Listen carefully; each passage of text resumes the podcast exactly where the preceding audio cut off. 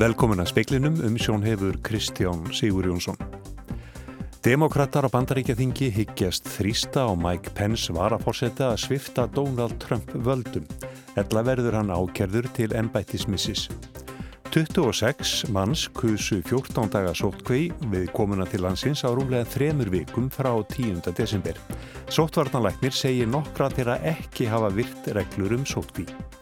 Forstjóri Æslandir segir að forsendur hlutafjár útbóðsfélagsins í fyrra haldi félagi stefnir á að ná á þessu ári þriðjungi af flugferðin félagsins árið 2019. Allt efni stöðvar 2 verður selt í áskrift frá og með 18. januar þar með taldar sjómasfrettir. Framkvæmdastjóri fjölmiðla stöðvar 2 segist vilja halda út í metnaðar fullir í fréttaþjónustu en það sé ekki hægt með auglýsingartekjum einum saman.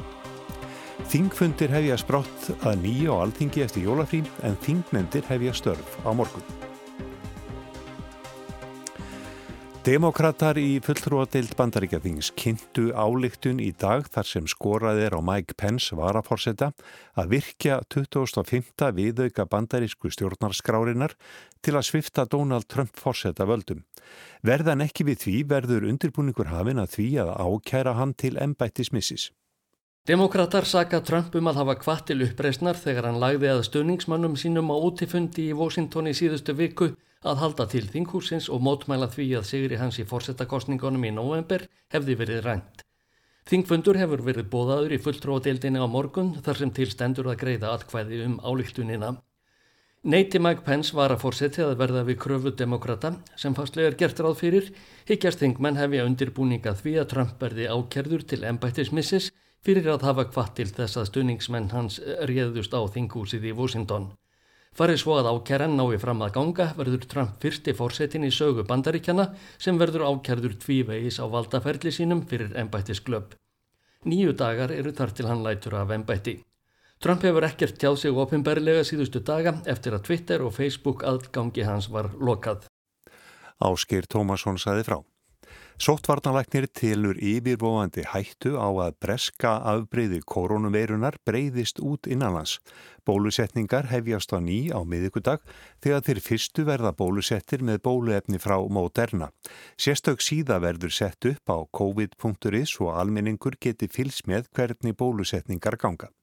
Það sem við munum byrta sko, niðurstöður þá aldur samsetningu þeirra sem hafa verið bólusettir og, og svo framvegis og hversu margir voru bólusett með bóluefni frá þessum eða hinnum. Þetta er allt í vinslu. Segir Þórólfur Guðnarsson sótarnalæknir. Hann hefur áhyggjur af fræðri útbreyðslu faraldusins í útlöndum eins og kemur fram í minnisblæði hans til helbreyðisráð þeirra 7. janúar. Hann færir það rauk fyrir því af hverju hann vil skilda alla í tvöfaldaskimun á landamærunum í stað 14 daga sótkvíjar. Hann segir meðal annars yfirvofandi hættu á að þið bráðsmitandi breska afbreyði veirunar breyðist út innanlands og svo segir hann að nokkur þeirra 26 sem völdu 14 daga sótkví í stað tvöfaldrar skimunar frá 10. desember hafi verið staðnir að því að virð ekki reglur um sótkví. Heilbyrðisráð þeirra ætlar ekki að verða við tillögu þó Rolfs um að sleppa 14 daga sótkví. Í vikunni kemur í ljós hvaða aðgerðir verða lagðar til því stjórnvöld tilkynntu í lók november að aðgerðir eftir 31. janúar er því síðasta lagi kynntar 15. janúar það er á förstu daginn. Þórólfur segir ómögulegt að vera með getgátur um hvort takmarkanir verði gildi fram á haust. Það fær eftir mörgu eins og hver mikið bóluöfni fáist og hvenar, hvernig faraldurinn verði hér heima og ytra en hann vil fara hægt í allar breytingar. En það er bara ekki hægt að segja nákvæmlega fyrir um þá að þessari stundu þetta er ófyrirsjáanlegt eins og allt annað með þessa veiru. Sagði Þórólfur Guðnason, Þórtís Arljótsdóttir tók saman við heyrum nánari Nánar frá Þórólfi síðar í speklinum. Æslandir flýgur nú að meðaltali 12 ferðir í viku með farþega til og frá Evrópu og Bandaríkjónum, segir Bógin Íls Bógason, forstjóri Æslandir. Þá eru ótaldar um 20 vikulegar ferðir í fraktflutningum. Við erum að halda út í tveimur flugum á viku til eh, Amsterdam, London og svo nánast daglegu flug á Kaupmannhöfn og svo tvísar í, í viku á Boston og það er mjög mikilvægt fyrir þjóðfélag á þjóðina halda þessum tengingu gangandi og síðan ekki síður fyrir segja, viðskiptun og atvinnulífa að halda fraktfluginu gangandi þess að við erum með annað eins, allt upp í 20 flug á, á viku og það er gríðilega mikilvægt fyrir okkur sem þjóða að halda þessum tengingum gangandi. Bógi segir forsendur hlutafjár útbóðsfyrirtækisins á síðasta ári en halda. Já, þetta sem við kynntum og lögðum upp með í okkar uh, gögnum þegar við kynntum útbóðið, það getur alveg gengið eftir ennþá eins og við sagðum á það. Þá gerðum við ráð fyrir því að fyrst í fjörðungur þessa ás er þið mjög rólegur, bara eins og hann er núna. Þetta færi aðeins í gang uh, áður um ásfjörðungi og í heilsinn á þessu ári 2021 þá ætlum við að vera með um eitt þriði að fluginu 2019 og ég er alveg bjassinn á að það geti gengið eftir og gott betur. Saði bóji Níls Bóasson, forstjóri Æslandir, Haugur Holm talaði við hann. Fundir hefjast á morgun í nefndum alþingis á loknu jólalíi og þingfundir hefjast næstkomandi mánudag 18. janúar. Þann dag flytur Bjarni Benedisson fjármálar á þeirra þinginu munlega skýslu um áform stjórnvalda um að selja fjórðungsluti í Íslandsbanka og síðan fer fram umræða um hana með þáttöku allra þingflokka. Sankvæmt starfs áallun alþingis á vorþing að standa til 10. júni en komið til endanlegrar afgreðslu á frumvarpi eða frumvörpum um breytingar á stjórnarskrá má gera ráð fyrir stuttu þingaldi af þeim sögum síðsumars. Alþingiskostningar eru fyrir hugaðar 25. september.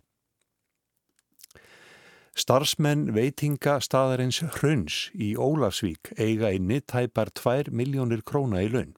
Lífeyrisjóðu þeirra hefur farið fram á gjaldtrótt félagsins en fyrra restrafélag sama staðar fór líka í trótt.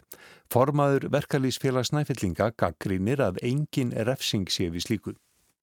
Veitingastæðurinn Hraun í Ólafsvík var rekin af samnemndu eignarhaldsfélagi þanga til það félag varð gjaldtróta sömarið 2019. Tíu starfsmenn gerðu launakröfur sem ekkert fegst upp í nema lífeyrisíðgjöld sem greitt voru af ábyrðarsjóði launa. Nýtt eignarhaldsfélag var svo stopnað um rekstur veitingastæðarins, Tarragon EHF. Skömmu fyrir síðustu jól var veitingastæðanum lokað og gaf eigandin þá skýringu í samtali við bæjarblæðið Jökul að hann hefði mist húsnæðið. Vignir Marjasson, formaður verkalýsfélags Snæfellinga, segir fjóra starfsmenn eiga einni laun upp á rúmlega 1,7 miljónir króna. Festa líferisjóður hefur lagt fram gjaldrótabeðni á hendur Tarragon en Vignir segir að stjættarfélagið hefði annars gert það sjálft. Það var búið að gera samningum greiðslu launa sem ekki var staðið við og, og svoleiðis sko. líður í sjóðan var bara undan okkur. Vignir gaggrínir að sumu eigendur geti haldið áfram starfsemi á nýri kennitölu eftir að hafa orðið gjaldróta sem sé í raun kennitöluflakk. Kröfur aðeins í undanfæri eru búin að vera að verjast fyrir því að það verði staðið við það sem var lofað í síðustu kjærasundingum að það verði repsið að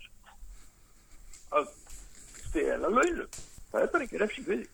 Það skiptur einn kennitölu 100 ára og okkur er sjóðu laun á bólkar. Vignir minnir á að 4% af launum séu dreygina fólki í yðgjaldi í líferisjóð, auk þess sem 1% fer í yðgjöld til stjættarfélags. Þannig að það er bara komið 5% sem er hennilega sko, stólið af fólkinu fyrir utan sagt, mótframlega tölurveikanda sem eru náttúrulega laun líka. Þetta var Vignir Marjasson, Hallgrímur Indriðarsson talaði við hann. Sóknarfærin eru í áskriftasölu en auglýsingatekjur einar og sér standa ekki undir ekstri fréttastofu, segir Þórhallur Gunnarsson, frangvanda stjóri fjölmiðla stöðvar 2. Allt efni stöðvar 2 verður selt í áskrift frá og með 18. januar, þar með talið sjónvarsfrittir. Við viljum halda út í metnaðafullri fréttasjónustu en við getum það ekki á, með auglískatekjum einum saman. Þannig að við höfum bröðið á það ráða að, að stöð 2 verði engöngu áskriftastöð. Þannig að fréttir okkar og fréttatengdi þættir, innlendefni, ellendefni verði partur af áskrifsinni. Þetta segir Þórhalli Gunnarsson, framkvæmdastjóri fjölmiðla stöðvar 2, um þá ákverðuna frá og með 18. janúar næstkomandi verður allt efni stöðvar 2 í læstri darskrá. Þar með talið fréttinnar. Auðlískatekjur hafa mingat og rúf finnum fyrir því, allir fjölmjöla finna fyrir því, en að skapa, samanskapi hefur, hefur okkur gengið gríðarlega vel að selja áskriftir á þessu ári. Þannig að, að þar eru sóknarfærin en, en auðlískamarkaðurinn er bara þannig að hann eh, stendur ekki undir og ekki svona umfóksmikli þjónustu. En hvernig leggst þetta í starfsfólki? Við erum búin að funda mikið í dag og fólkið er bara fullt af krafti og það sér fullt af tækifærum í þessu og þetta er bara svo öflugu mannskapur, hér er sko hæfileika fólk og fólk á öllum hæðum þannig að ég finn ekki annað en bara baráttu hug og stemningu. Sagði Þóraldur Gunnarsson, Marja Sigrún Hilmarsdóttir rætti við hann en Birta Björnsdóttir tók saman. Skagafjörðaveitur byðla til íbúa í Skagafyrði að fara sparlega með heita vatni næstu daga. Mikill kuldi hefur verið í sveitinni síðustu daga og búist er við áframhaldandi frosti fram á miðugudag. Í tilkynningu sem byrt var á heimasíðu sveitafélagsins eru íbúar kvartir til að nota ekki heita potta, stilla opna rétt og varastað byrkja á. Ríkisjóðir vestrætnan þjóða dæla fjármagni út í laskahagkerfi í COVID-19 faraldrinum. Slík hagfræði hefur löngum verið kent við John Maynard Keynes Kíns en kenningar hans hafa um áratöðaskeið verið uppspretta deilna um hlutverki ríkisins í atvinnulífinu. Ari Skúlason, hagfræðingur hjá Landsbankanum, bendir á í Hagsjábankan sem kom út í dag að ríkistjórnur á Vesturlöndum eru samstíga í að beita hagstjórnarkenningum Kíns í faraldrinum jæmt hægri sem vinstri Það eru erfiðir tímar í rekstri Ríkisjós Íslands, útlitt er fyrir samtals 600 miljardar króna halla á orðunum 2020 og 2021. Hvernig fer Ríkisjóður að því að brúa það bil? Ég har náttúrulega búin að því að einhverju leiti, hann gerir náttúrulega fyrst og fremst með skuldabrið útgáðu og útgáðu viksla og svo framvegis. Síðan er veltalega meiningi líka að sækja eitthvað fjármagn á ellendamarkaði. Kemur líka fram í yfirlýsingu sem hafa komið frá þeim að þeir eh, ætla að minka innegg sem þeir eiga í, í Sælabankanum. Þeir ætla að taka peninga út úr gamla íbúðalánarsjónum sem er með fullta peningum vegna útlána sem hafa verið greitt upp og svo framvegis þannig að allt í allt þá verða þessar aðferði notaðar og það kemur kannski svolítið óvart að það sem að á eftir að gerast á þessu ári er ekkit svakalega mikil sko skuldabriðutgá og maður tölur verið á síðast ári en þetta verður ekkit sérstaklega erfitt vegna þess að það er, eru góð kjör á mörguðum og, og þetta gengur örgla ágætlega að fjármagna þetta og svo hefur við náttúrulega bara eftir að, að borga þetta með tíu tíma. Kemur það til með að ganga vel? Já, það gerir það auðvitað miða við að allt fari í lag aftur. Þetta náttúrulega gerðist álíka eftir 2008 þegar að Ríkisjóður eitti miklu fjármúlunum í að bjarga bankakerfinu en þá fekk Ríkisjóður peningana tilbaka og vel það úr stöðuleika framlögum og, og svo framvegi sko. En, en núna verður ekkit svolítið. Nú er þetta bara skuld sem að fer á herðar atvinnulífsins í landinu og heimilana. Við verðum náttúrulega bara að borga það sem þýðir þá öðru jöfnu að það verður minna til skiptana í annað í, í ansi, ansi mörg ár. Þannig að það verða vantarlega yngir hattrættisvinningar sem að detta eins og gerðist með stöðuleika framlegin. En ríkisjóður, hann hleypur undir bakka allir ríflega núna á þessu ári og í þeirra. Já, það gerir það og það er eiginlega sko nýtt og kannski öfugt við það sem hefur verið áður. Það munum kannski eftir umræðinni eftir fjármálagreppuna varðandi Gríkland, Spán og þessi lönd sko, þar sem að alltaf verið að heimta þau verið að færa að draga saman og spara og svo framvegis. Nú verðist vera orðin samhugur um það allavega í öllum vestrana heiminum að ríkisjóður verður að hjálpa okkur að sigla í gegnum þetta. Sko, markaðurinn ræður ekki við það og það að fara að herða sultaról við svona aðstöður gerir stöðuna bara verri og þetta er náttúrulega pólitík sem er búið að rýfast um í mörg ár en núna verðist að vera þannig að allir eru sammála um að ríkisjóður verður að axla byrðina. Sko. Kreppur hafa yfirleitt haft í förmið sér mikið niðurskurð, niðurskurð á þjónustu, tekjumingun og svo framvegis og það náttúrulega er þannig hér hjá okkur núna gildir fyrir ansi marga en ekki nestu því alla. Það er, maður má kannski segja megin hlutin af samfélaginu heldur áfram að lifa eins og verið hefur. Hvernig samrænist þetta svona þekktum hagfræði kenningum?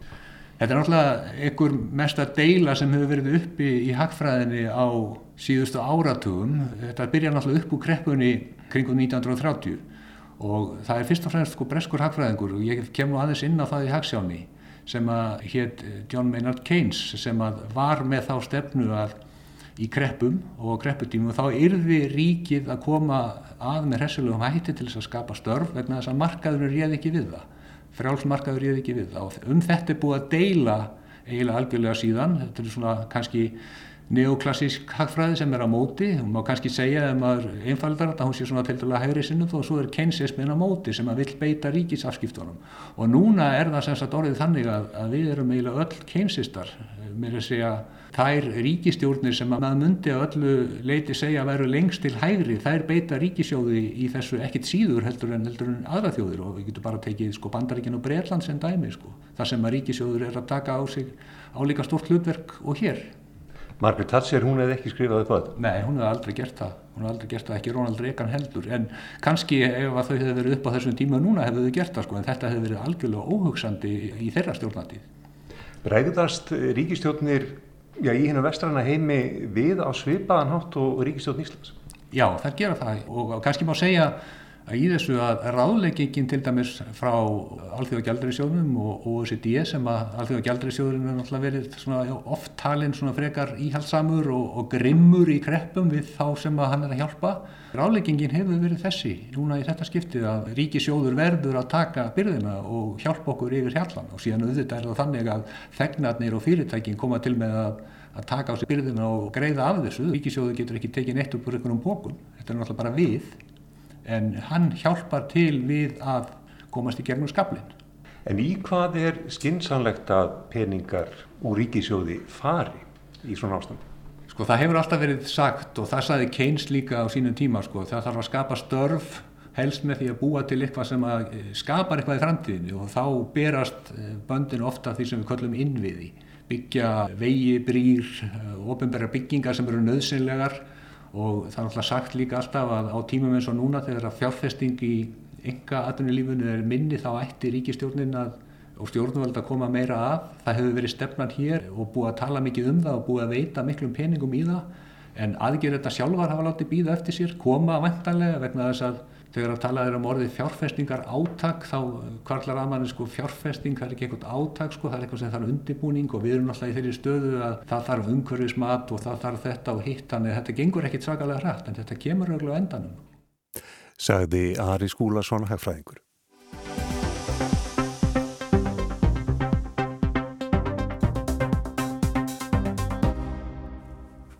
Í Noregi er vitað um 2300 svæði þar sem kvikleir er í jörðu, enn og eftir að rannsaka fleiri staði. Frá 2015 til 2019 var varið um 5 miljardum króna í aðgerðir til að komi veg fyrir að kvikleir skriður færu af stað. Með þessum aðgerðum var öryggi tæplega 900 íbúðarhúsa tryggt og um 300 annara bygginga.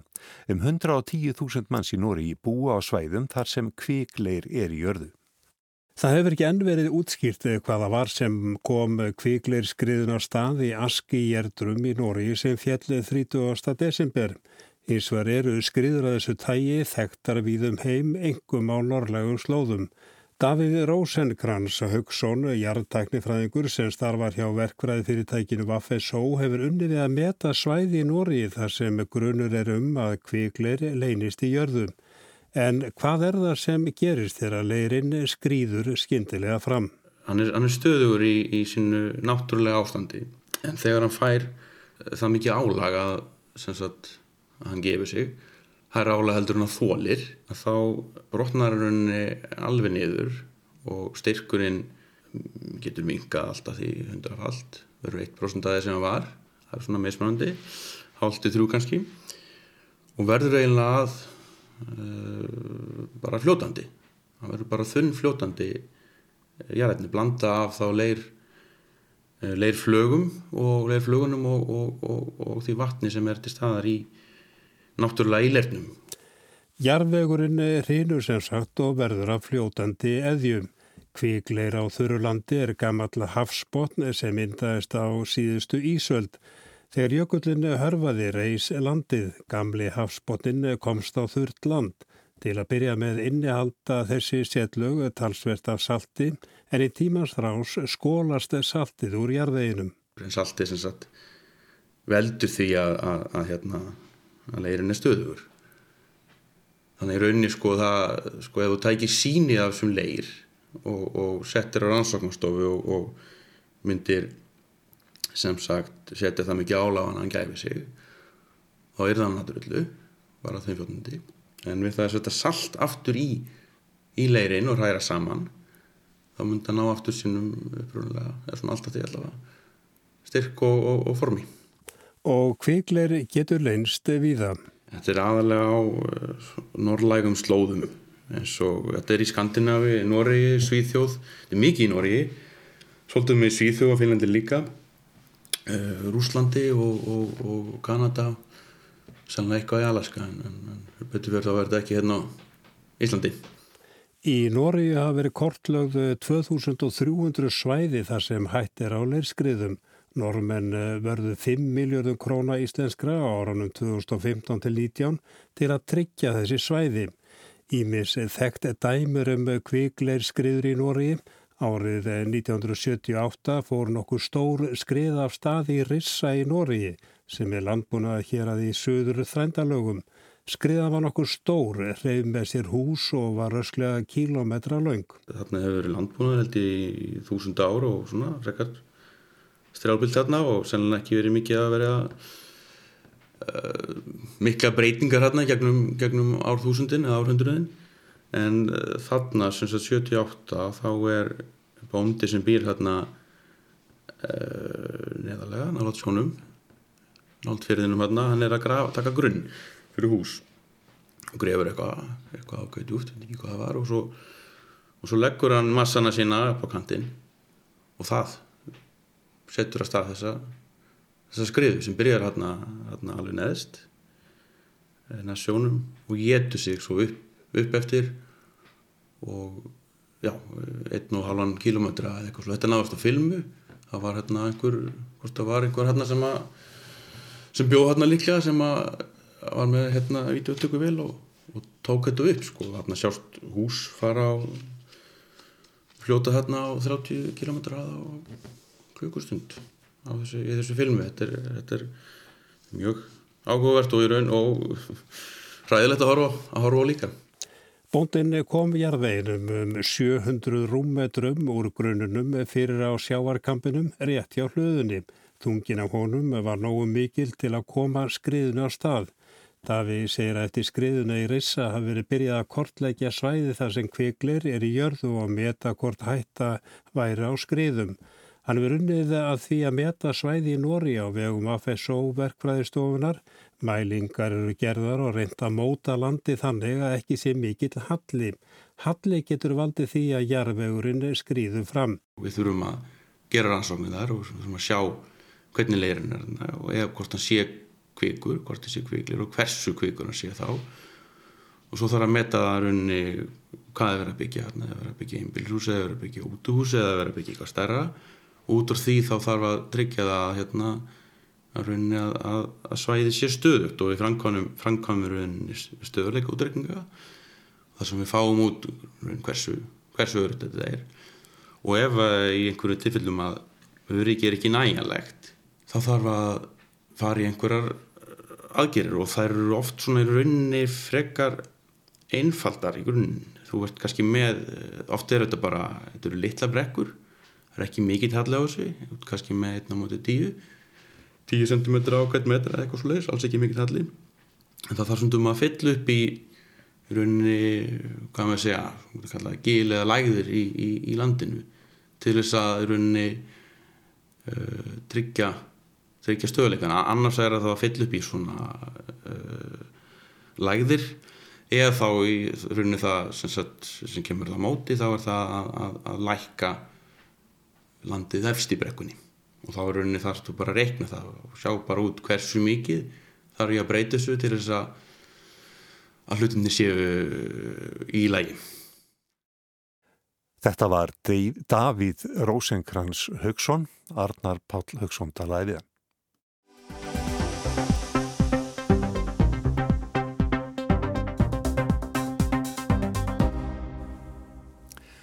Helsta hættan sem nú stæðjar að Íslendingum er að smitt berist yfir landamærin og þó smittum hafi fækkað innanlands má ekki slaka á í sótvörnum, sagði Þórólur Guðnarsson sótvarnalæknir á almannavarnafundi í dag. Þar var fjallað um nýja reglugerð sem tekur gildi á miðíkudag, þar sem nokkuð verður slakað á og gilda nýja reglur til 17. februar. Á miðíkudaginn má einni búast við litabreitingu frá með þessum breytingum sem er fyrirhugað á samkvömbanni núna á, á miðugudagina þá er líka fyrirhugað að breyta litakóða vegna COVID-19 og færa nú rauðu í appelsínugöld. Þetta sagði Rökkvaldur Ólafsson aðstóðar yfirlörgljótt hjá almannavarnadeild ríkislörglstjóra. Kóðin hefur verið rauður frá því að kóðarnir voru kynntir í fyrra haust. Þórólfur Guðnarsson, sótarnalæknir, sagði ástæði til að gleyðjast yfir því hvað dreyið hefur úr smitum innan landamæra. Það er tillegur sem ég hef komið með eru gerðar í ljósi þess að vel hefur tekist til hjá okkur öllum undanfarið og því rétt að mínu mati að reyna að liðka fyrir ímissi starfsemi og atvinnurekstu með því að til dæmis að auka fjöldatakmörk upp í 20 manns og einnig held ég að það sé rétti tími núna að liðka til fyrir eh, íþróttastarfsemi og heilsurækt með ákveðin skilurðum sem og listastarfsemi í landinu. En það er rétt að leggja áherslu á að með þessu er ekki verið að hvetja fólk til ónausinlegar hópamyndunar og, og vilja því hvetja fólk áfram til að við hafa allar sínar einstaklismyndnu sótvarnir sem að gefist hafa svo vel núna uh, undanfarið og forðast hópamyndanir eh, eh, hvers konar sem mest. Nú það er einni rétt að vekja eh, aðtegli eins og áður hefur komið fram á þeirri aukningu sem við höfum séð á fjölda smita á landamærunum og ég held að þar sé helsta hættan sem að stefjar aðgur núna það er að við fáum smitt inn í landið gegnum landamærin og þess vegna hef ég sendt ráð þeirra tillögur Eh, um hertar aðgerðar á landamærum sem félast í að, að afnema val á 14 daga sóttkvíð þannig allir þurfa að fara í, í skímun, tvær skímanir með 5 daga sóttkví á milli. Nú ef það er ekki hægt ef að, að verða við því að þá hef ég lagt til að allir sem að velja það að fara í 14 daga sóttkví fari í, í, í sóttvarnahús meðan á sóttkví stendur. Já, framt hef ég lagt til að að börn uh, sem að koma hingað með foreldrun sínum verði skildu til að dvelja í sótkví með foreldrun sínum en þau eru ekki hins vegar skildu til að fara í sínatöku nema í undantekninga tilfellum. Og í fjörðalagi verði aukið eftirlit með fólki í sótkví og á þann hátt munum við reyna að tryggja eins og hægt er að við fáum ekki aukningu í smitum lendist frá. Ég held að þessi líka ástæða til að hvetja alla Íslandinga til að vera ekki að fara í ferðalög erlendis að nöðsina lausu, sérstaklega í ljósið þess að faraldurinn er í mikill uppsveiflu erlendis og mikla líkur á því að fólk getur borðið með sér alveg smitast erlendis og vext þar eða borðið með sér smit, smit heim. Undanfari mánuð hafa á þriðja tug kosið tveggja vikna sótkví í staði sínatöku og skemmri sótkví er við komið til landsins. Þetta kemur fram í minnisblæði sóttvarnalækni sem sendt var heilbriðisráð þeirra fyrir helgi. Farsóttarhúsið í Reykjavík var fullt í morgun og annað opnaði í dag. Verði tilhaugun á landamærum breytt gæti fyllt því meira álag á farsóttarhús þegar mögulega þarf að taka á móti fólki sem ekki vil fara í sínatöku. Þetta sagði Gilvi Þór Þorsteinsson sem hefur séð um farsóttarhúsið fyrir Rauðakrossin. Hann á þó ekki vona að þetta verði vesen. Gestir farsóttarhúsa eru í raunni í einangrun, bort sem þeir séu í sótkví eða ekki. Þeir þurfa að vera inn á sínum herbergjum Uh, þetta er ekkit volað stór herbyrgi þannig að það hérna, gefur auga leið að þú, ert, þú vilt frekar vera annar staðar. Þú fær mat frá okkur fyrir svara dag sem við komum með þín og, og, hérna, og við reynum náttúrulega að sinna þessum grunn þörfum fólks hvort sem það er með spjalli eða, eða það þarf eitthvað annað þá, þá reynum við allt sem við getum í því. En 14 dagar inni hjá okkur, þetta er engin sæla, ég get alveg satt ykkur það Í fyrrnemdu minnisbladi sóttvarnalæknins til ráð þeirra var lagt til að tvöföld skimun erði algerskilda en tveggja vikna sóttkví í farsóttarhúsi var áraði. Í reglugerðinni sem þegar hefur verið byrt er ekki fjallað um harðari aðgerðir á landamærum. Búist er við að máli verði rætt á ríkistjórnarfundi á morgun og breytt tilhögun kynnt í farmaldinu. Anna Kristín Jónsdóttir tók þennan pistil saman. Það var helst í speiklinum í kvöld að demokrater á bandaríkjaþingi higgjast þrýsta á Mike Pence varaforsetta að svifta Donald Trump völdum. Ella verður hann ákerður til embættismissis. 26 manns kusu 14 daga sótt kveifið komuna til landsins á rúmlega þremur vikum frá 10. desember.